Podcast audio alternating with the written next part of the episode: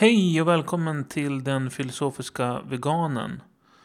Om du är ny till Gerfriend Jones och alla Charltons arbete så kan jag rekommendera följande sidor. Den ena är howdoigovegan.com och den andra är abolitionistapproach.com. Idag kommer jag att prata om den andra principen av sex principer som Gary Francione och Anna Charlton har utvecklat genom decennier av arbete. Jag kommer använda den principen för att analysera Djurens Rätts äggkampanj. Den andra principen lyder så här. Abolitionister hävdar att vårt erkännande av denna grundläggande rättighet betyder att vi måste avveckla och inte enbart reglera institutionaliserat djurutnyttjande, vilket betyder att abolitionister inte bör stödja djurskyddsreformer eller enfrågekampanjer. Att erkänna djurrättigheten att inte bli utnyttjad som egendom kräver att vi avvecklar institutionaliserat utnyttjande av icke-mänskliga djur och inte bara reglerar det till mer humant. Abolitionister tar avstånd från djurskyddskampanjer.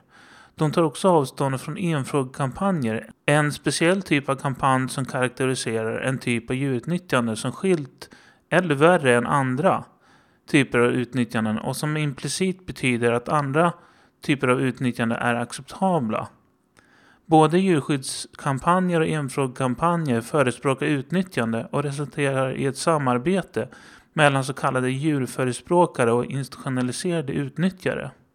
I Sverige har organisationer som Djurens Rätt kämpat att få företag att sluta med ägg från burar och att adoptera sig till mer humanare djurhållning trots att det inte finns några garantier att det skulle vara bättre än de med burar. Det finns tre olika system i Sverige. Alla har enligt Svenska djurskyddet Sverige fördelar och nackdelar. Och jag citerar från deras hemsida.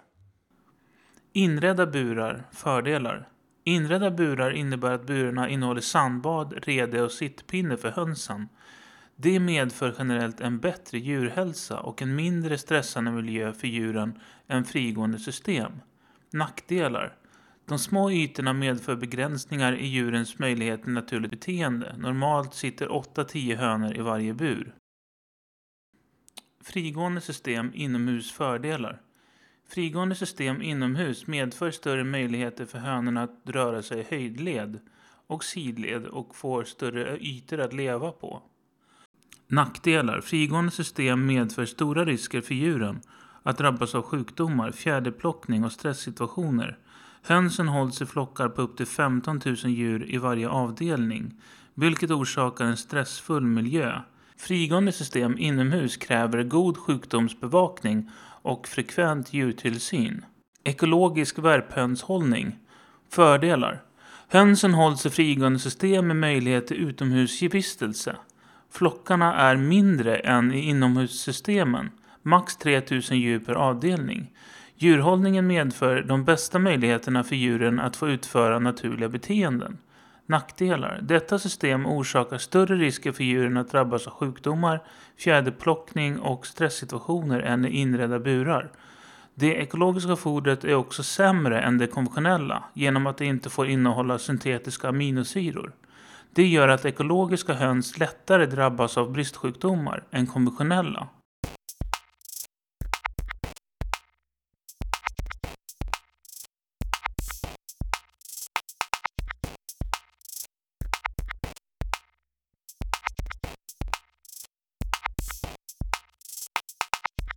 Det största moraliska problemet är att man fokuserar på behandling istället för utnyttjande.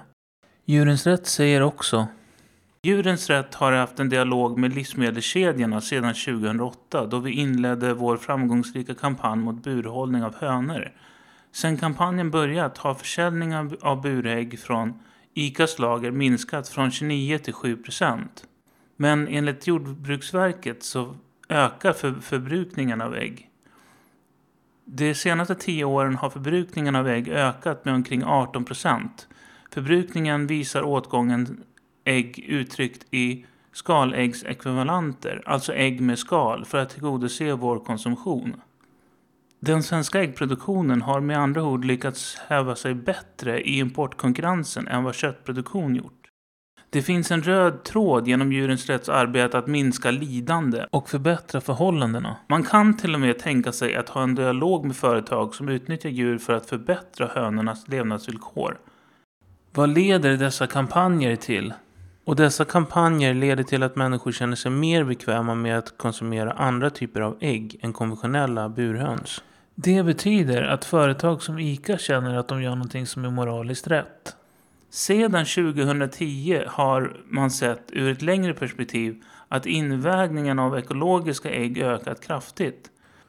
Dock har det gått ner för ekologiska ägg men ökat för ekologisk mjölk 2017 men det är inget konstigt eftersom produktion och konsumtion går upp och ner. Rent generellt har det legat stabilt.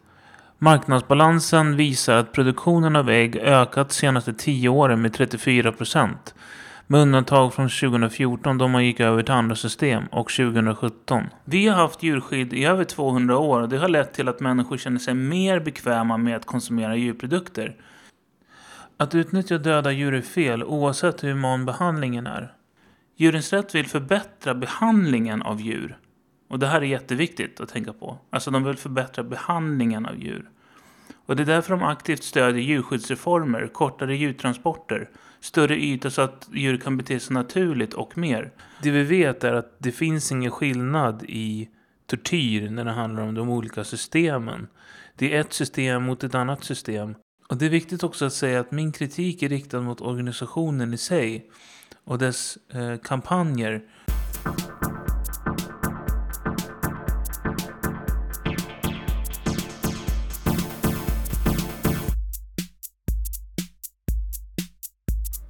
Djurens rättskampanjer är baserade väldigt mycket på idén om att man ska minska lidande.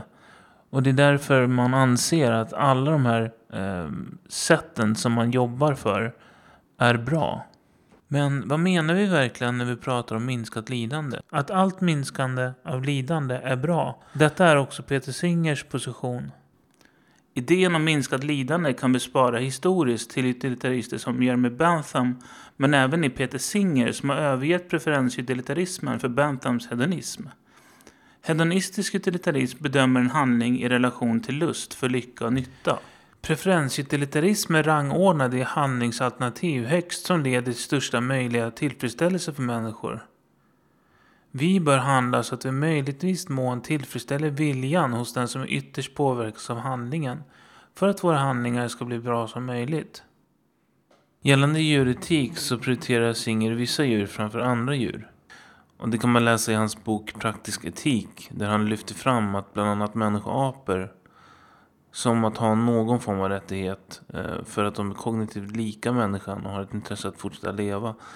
Men detta är ingen självklarhet eftersom utilitarister och andra konsekvensetiker prioriterar att vi ska öka lust, lycka, intressen eller preferenser och minska lidande så kan vi offra djur framför människor i syftet att minska lidande för den större gruppen individer som det berör.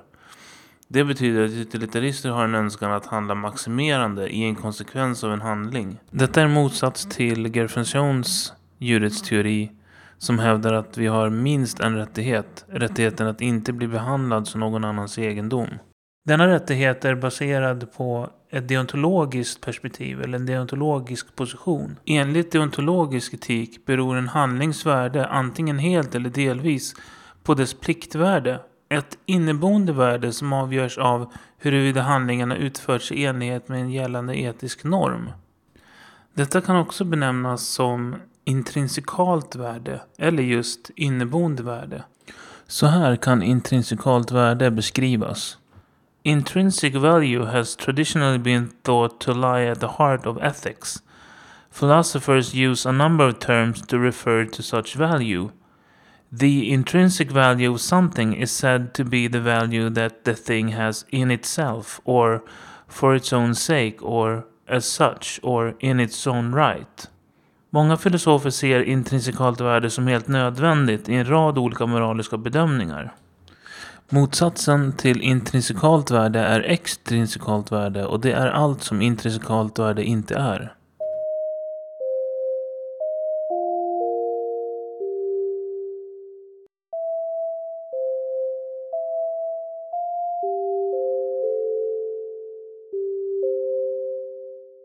Glöm inte att läsa de länkar som kommer finnas på filosofiskaveganer.se. Där kan du utbilda vidare. Och glöm inte, världen är vegan om du vill att den ska vara det.